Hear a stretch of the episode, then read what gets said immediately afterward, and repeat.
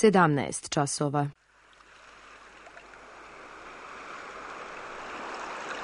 Radio Televizija Srbije. Radio Beograd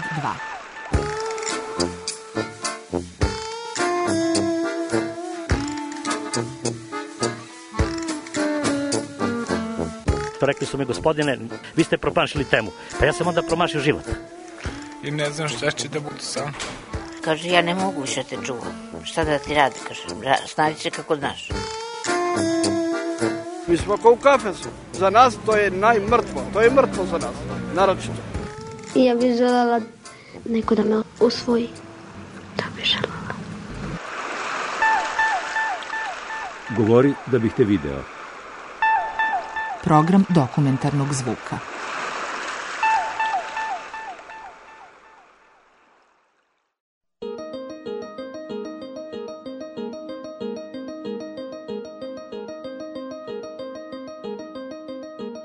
bez obzira što ja živim i u Njurku i ne znam i u Washingtonu i u nekim najvećim gradovima i ne znam i kad se družim i sa milionerima i ne znam i bogatašima i sa nekim najpoznatijim umjetnicima i kad se družim i sa sirotinjom i sa onima na uci, ja sam uvijek djevojka koja je odrasla u romskoj mahali iz geta i to je nekako, to sam ja ne gubim svoj integritet, nikad ne gubim činjenicu da sam ja ta koja je ono bila 10% vremena na ulici, ne znam, tukla muškarce, palila kuće za noć vještica i koja je, ne znam, svašta nešto rada, bila divljakuša, opet sam ja umjetnica na svjetskom nivou.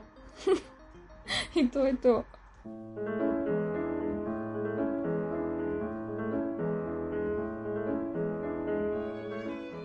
Ja sam Salma Selman, umjetnica koja je rođena u Bosni, tačnije u Bihaću. Završila sam srednju umjetničku školu u Bihaću, zatim sam završila Akademiju umjetnosti i smjer slikarstvo u banje Luci kod profesora Vese Sovilja i Mladena Miljanovića i tu sam provela četiri godine gdje sam u stvari jednostavno razvila sebe i svoj jezik kao umjetnica. Poslije završetka akademije sam studirala u Budimpešti na Centralnom Evropskom univerzitetu antropologiju i sociologiju i imala časove iz engleskog jezika. To je jedan program koji se zove Roma Graduation Preparation Program koji u stvari priprema mlade Rome i Romkinje da kasnije upišu ne znam, master ili doktorske. Poslije Budimpešte sam došla u Americi gdje sam u stvari završila master iz vizualne e, umjetnosti i performance umjetnosti i trenutno sam u, u Washingtonu, a inače živim na relaciji između Yorka, Washingtona i Bihaća.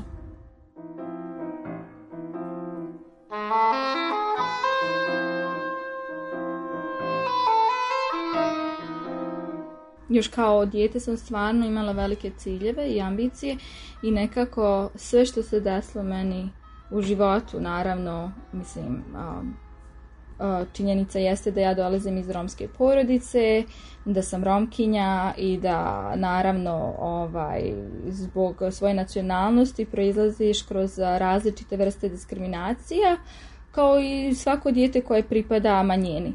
Međutim, ono što sam ja skontala jako brzo i u, veoma ranim godinama jeste da ja nikad nisam pravila razliku između sebe i drugih i to je nešto što mi je pomoglo da uspijem da uradim sve ovo što sam uradila do sada.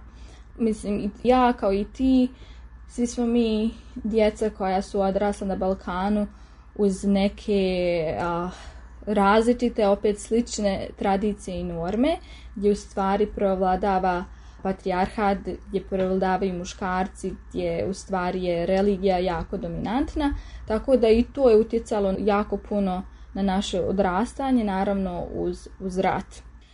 Prvo se boriš, ne znam, nekako sa svojim roditeljima, koji nisu u mogućnosti da ti objasne zašto je svijet takav kakav je, a onda se boriš, ne znam, i sa institucijama koje jednostavno ne rade ono što bi trebale da rade i ti si jednostavno, ne znam, recimo, tad sam imala nekih možda deset godina kad sam u stvari skontala da, da sve što se dešava oko mene je nepravda. Prvo, zato što recimo u mojoj mahali mi je smetalo to što ne znam, ljudi su i dalje prakticirali tradiciju ranog braka i maltretiranje žena, a s druge strane i neromska populacija se ružno ponašala prema ženi. I moj cilj u životu bio da jednostavno ne da samo pobjegnem iz takve sredine, nego da, poku, da pokušam u stvari da balansiram sve to što se dešava. I recimo projekte koje sad radim, recimo maršu u školu. Fondacija koja stipendira romske djevojčice u stvari je reakcija na to vrijeme. Znači, kad sam ja u stvari uvidjela da se nepravda dešava na velikom nivou i da recimo to dolazi iz mog privatnog iskustva gdje je u stvari moja mati bila jednostavno, moram reći, žrtva tog ranog braka. mislim da sam imala možda veliku sreću zato što sam najmlađa u svojoj porodici, tako da su moje sestre koje su bile starije u stvari bile nekako materijal za brak. Dok sam ja bila tu najmlađa, ja sam uspjela za to vrijeme skupim i hrabrosti i znanja da mogu da se izborim za svoja prava. Što u stvari, mislim, bitno je naglasiti da ja ne kritikujem svoje roditelje i da ne kritikujem romsko društvo, da jednostavno kritikujem sistem u kojem živimo i sistem koji je u stvari doveo do toga. Problem je taj što roditelji jednostavno nisu svjesni činjenice da edukacija i jeste put do uspjeha. Jednostavno žive takvim tempom života gdje smatraju da treba da se nastavi his, historija, tradicija, ono što su njihovi roditelji, roditelji njihovih roditelja radili, da tako treba i omladina sada da uradi. Moje sestre, nažalost, nisu imale tu, tu mogućnost jer su morale ovaj, ili da rade na pijaci sa tatom, da prodavaju tepihe, da prodavaju, ne znam, odjeću i svašta nešto, tako i moj brać koji je jednostavno morao preuzeti ulogu domaćina i da se oženi sa 17 godina. moje sestre, jedna imala 17 godina, druga imala 16 godina.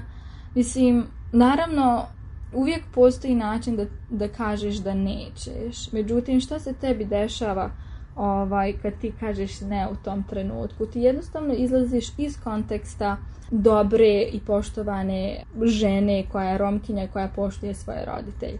E, problem je taj što moje sestre nisu uspjele da to urade zato što nisu imale završenu edukaciju, završenu osnovnu školu i zato što nisu uspjele da jednostavno ovaj, kažu ne roditeljima.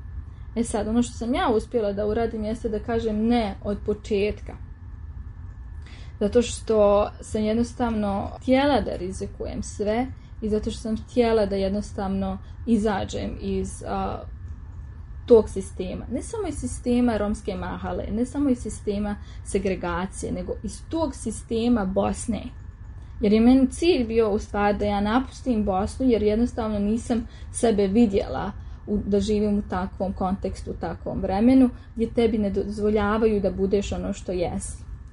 E sad, moja mati ima jako veliku ulogu u svemu tome, jer bez obzira na njezinu needukaciju, na to što ona ne zna ni da čita ni da piše, ovaj, što je udana sa 12 godina i što je rodila brata sa 13 i što je razlika između mog brata i ne znam, moje mame jako mala, 13-14 godina. Ovaj, ja smatram da je ona jedna jako progresivna majka jer je ona u stvari uspjela mene da sačuva tako što mi je rekla da ne budem kao ona.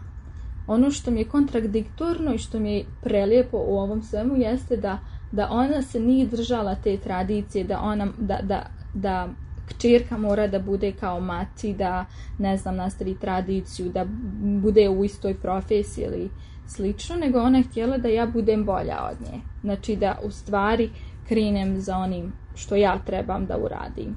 Tako da recimo moja Mati je tu uradila preskočnu dasku jer je me podržala u svemu i kad su svi rekli da moje slike ne, da su moje slike grozne, da ja nikad neću biti dobra umjetnica, da, da nema šanse, da je moje mjesto da čistim perem, peglam i da rodim djecu, ona je rekla da su moje slike njoj najbolje.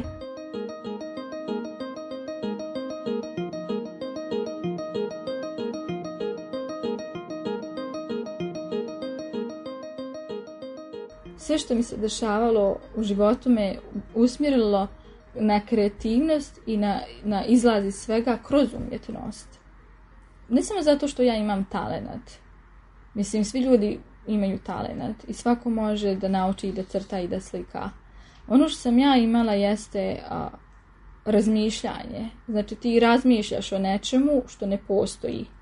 Ja sam bila toliko znatiženja kako da ja pretvorim svoje misli u u nešto što mogu da vidim, u nešto što može da postoji i u nešto što može da djeluje na ljude.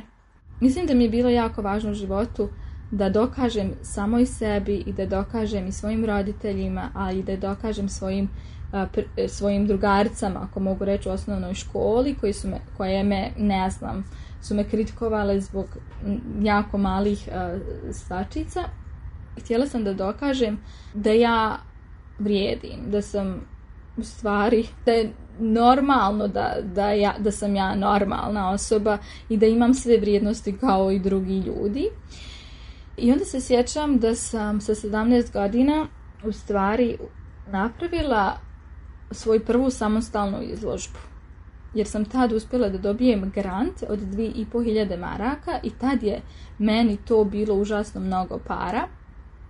I onda sam ja odlučila da napravim samostalnu izložbu još kad sam bila u srednjoj školi, tad sam bila treći razred srednje škole. E sad, ono što se dešava jeste da profesori koji su bili u srednjoj školi u stvari nikad nisu imali ovaj studenta koji je imao izložbu, a da je još dijete.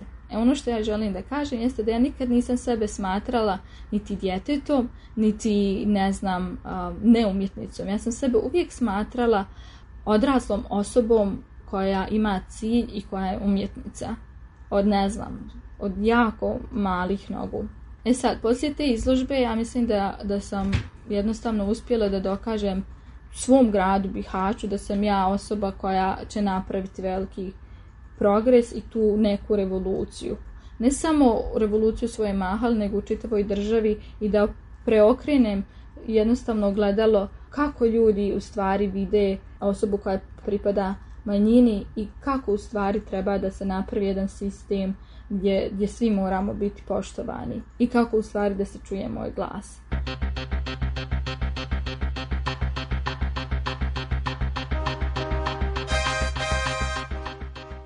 kroz odrastanje Amerika mi je bila kao nešto što je nemoguće. Ne samo meni, nego svima nama na Balkanu. Kao ako si u Americi, tad si uspio. Ako živiš u Njurku, to ti je uspjeh. Bez obzira šta radiš, ti si uspio. I sjećam se da smo ja i sestre kao djeca, ne znam, možda sam imala tako 6-7 godina poslije rata. Ovaj, svaka od nas priča priču.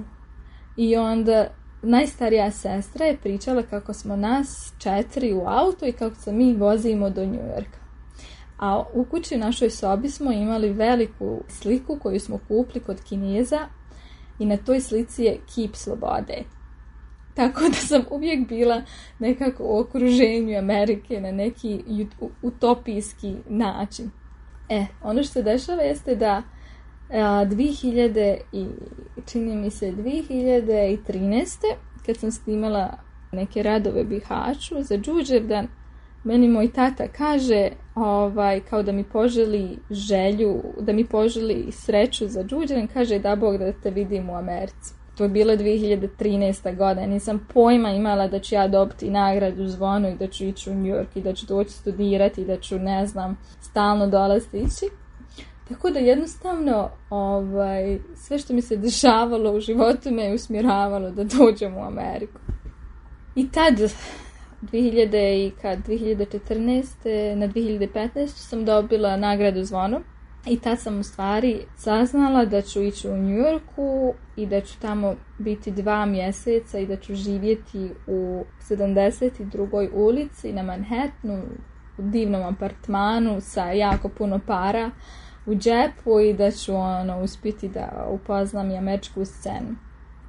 Tad sam već živjela u Budimpešti i onda sam odlučila da apliciram za master studije i onda sam aplicirala na Bauhaus u Njemačkoj i na par američkih univerziteta, recimo kao što je Syracuse i a, Buffalo univerzitet.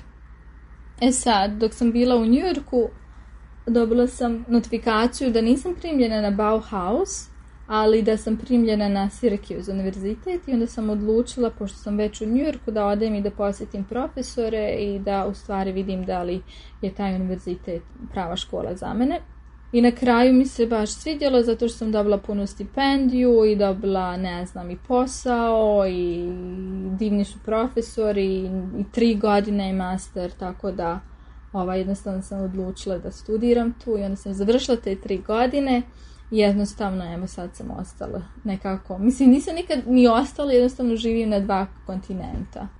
Međutim, ono što sam ja dobila u Americi jeste prilika nekako. Prilika da sebe izrazim kao, kao ljudsko biće i kao umjetnicu, a ne kao romkinju. Ne, ne jednostavno kao osobu koja pripada nacionalnoj manjini, jer je njima bitno koliko ti dobro radiš, ne znam nešto, koliko si ti dobar radnik jednostavno i šta ti možeš da je proizvedeš. Ono što, mislim, ja sam predavala tri godine na svom univerzitetu i ono što sam ja davala svojim studentima je bilo ogromno i mislim da su to profesori moji vidjeli i da, da su mi zahvalni na tome jer ne samo zato ne, samo da sam im dala dovoljno dobro znanje iz video umjetnosti performansa, već znanje, ne znam, iz kako u stvari preovladavati i uništiti e, i pomoći sam sebi da nekako ostvariš neke svoje ciljeve kako da izražiš sebe najbitnije i kako da slobodno uspiješ da izražavaš svoje misli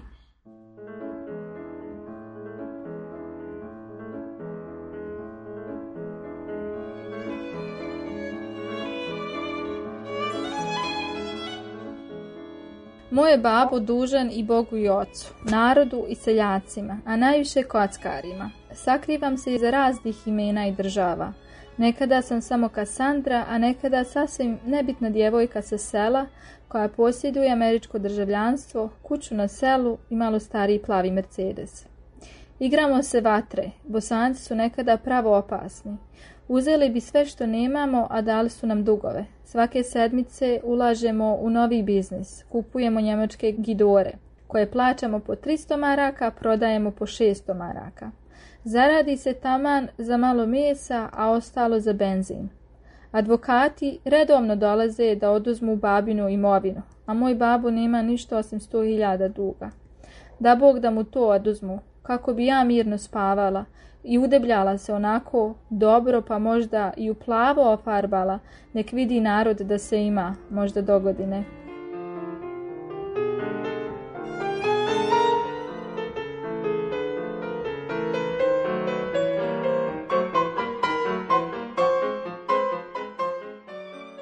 Moja umjetnost prizlazi iz mog ličnog iskustva, ali isto tako iz, iz nužnosti za izražavanjem u ovom vremenu gdje u stvari ja ne pokušavam da, da pravim lijepu umjetnost niti umjetnost koja će biti nekako kako bi rekla gdje bi ljudi došli i rekli vidi kako je Selma dobra umjetnica, kako je to dobro uradila, nego ja u stvari na neki način e, izražavam i svoju ljutnju kroz, e, kroz umjetnost zbog ne znam, svog ličnog iskustva, a isto tako zbog situacije koje sad živimo. Recimo, ne znam, zadnji rad koji sam radila je A Pink Room of Her Own. E, njezna roza soba, to je rad koji sam u stvari, evo, mislim, ovo je super način isto tako da pričam koliko je stvari moja mati bitno u mom životu. Znači, to je rad u stvari gdje moja mati igra glavnu ulogu, ali isto tako prava žena, isto tako ljudska prava, isto tako djetinstvo, djevojčice i ne znam kontekst u kojem su žene živjele prije 50 godina i u kontekstu u kojem žene žive sada. Ono što mi je bilo jako bitno jeste da ja svojoj mami prvenstveno priuštim ono što nije imala dok je bila dijete i dok je bila mlađa E, kroz razgovor s njom ovaj, e, ona mi je izrazila želju da bi voljela da ima dječju sobu. Ono što je meni bilo zanimljivo u tom trenutku da osoba koja ima 50 godina teži za dječjom sobom. U tom trenutku se dešava da ona u stvari želi da proživi kroz to neko svoje djetinstvo koje u stvari nije imala zbog e, okolnosti u kojem je živjela. E sad, e, dešava se katarza gdje u stvari ja, osoba, znači njezino dijete, njezina kćerka, uspijem da njoj napravi djetinstvo. Tako što ću joj napraviti sobu po njezinim željama i po njezinim snovima. E sad ona izrazila želju da bi htjela da ima sobu koja je sva roza. I onda sam ja u 2017. godini u stvari crtala samo tu sobu po njeznim željama i imamo samo virtualni e, virtuelni video. I u stvari ja crtam, a ona e, govori kako, će soba izgledati. Kasnije sam taj crtež pretvorila u 3D print i onda je ona imala tu skulpturicu na stolu gdje je u stvari ona mogla da vidi kako bi izgledala ta njezna soba. E sad, prije par mjeseci sam ja uspjela da taj 3D pretvorim u realnost, gdje u stvari ona dobila tu svoju sobu onako kako je i zamisla, gdje će imati, ne znam, i rozi krevet, i rozi armar i roze slike, i rozi tepih, i roze zavijese, i ne znam, roza vrata, sve ono što je ona htjela, ona je to dobila. E sad, ne radi se samo o tome da sam ja ostvarila želju svoje mame, nego se radi o tome da sam ja dozvolila jednoj ženi da dobije autoritet da dobije slobodu gdje ona može da radi što god želi. E sad, taj rad jeste povezan sa knjigom uh, Virginia Woolf, A Room of One's Own, gdje ona u stvari kaže da svaka žena treba da ima prostor gdje ona može da se izražava. To je ono što sam ja dala svojoj mami. Prostor za izražavanje, intimnost, gdje ona ima sav autoritet. To je prvi put da moja mati, osoba, žena, ljudsko biće, dobija imovinu, dobiva nešto što nikad prije nije imala. Ona posjeduje tu dječju sobu koja je i njezino djetinstvo, a i njezina sadašnjost.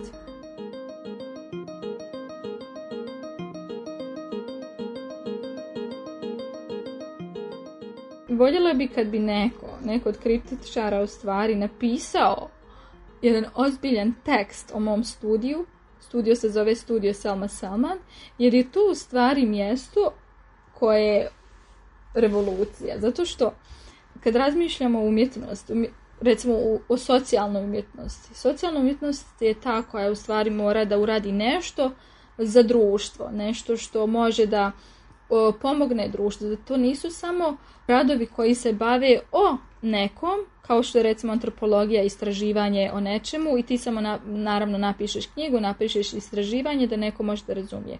E sad, socijalna umjetnost je ta koja u stvari se bavi istim, sličnim pristupom, antropološkim, ali ona u stvari jednostavno teži ka preispitivanju tog istog mjesta, ali isto tako da to mjesto, da to društvo u stvari dobije nešto od toga. Za mene je prava socijalna umjetnost ta koja postoji prvenstveno zbog društva, a ne zbog umjetnosti i umjetnika. E sad, ono što se dešava u tom trenutku da sam ja stvorila prostor i mjesto u, na prostoru gdje niko nikad ne bi očekivao da bi se nešto tako moglo desiti.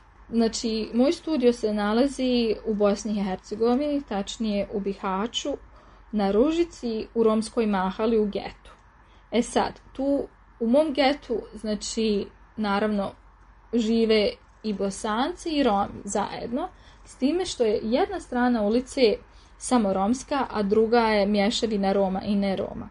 E sad, ono što se dešava jeste da je moja mahala poznata po tome da je to najopasnija, najopasnije mjesto za za življenje i da jednostavno ljudi nikad ne bi očekivali da bi se, ne znam, studio Selman Selman desio baš u tom mjestu i na tako, u takvo vrijeme na takvo mjestu. E sad, dešava se to da sam ja napravila taj studio gdje ja naravno crpim i energiju i inspiraciju, gdje ću stvarati radove, ali isto tako stvaram i biblioteku stvarnu biblioteku i multimedijalnu biblioteku za djecu i za omladinu i za sve kogod želi u stvari da da renta knjigu, da renta laptop, da može da dođe tu.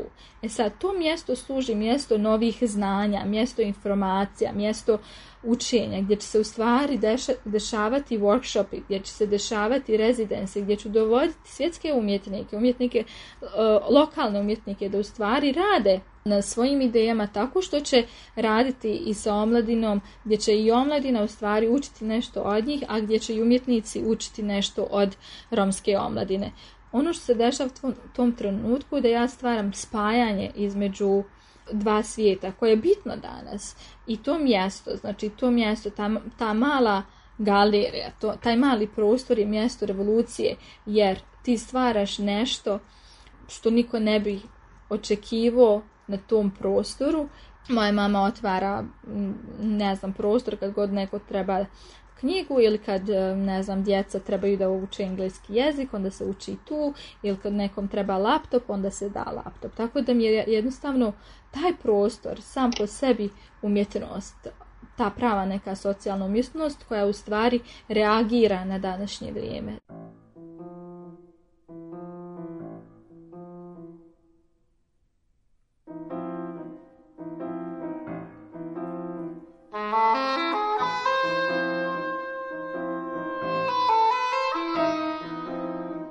Ja ne znam kako da se divim muškarcu. Negdje duboko u mom stomaku, u dnu dna, ja ne znam pisati o ljubavi, a jako sam zaljubljena. Zaljubljena u siromaštvo i beskonačnost harama koja me priziva iza ponoći, jer upravo tada ja ne osjećam svoje tijelo. A ovo moje deranje, ispiranje mozga, usamljenost i jebanje i film gdje ja igram glavnu ulogu. Na silu pokušavam da budem dobro, da učim od najboljih, od moje matere, za nju je život moj novčanik pun para i na stolu pečena teletina. Šta ja znam o životu, osim što amaterski volim i vozim Mercedesa C208.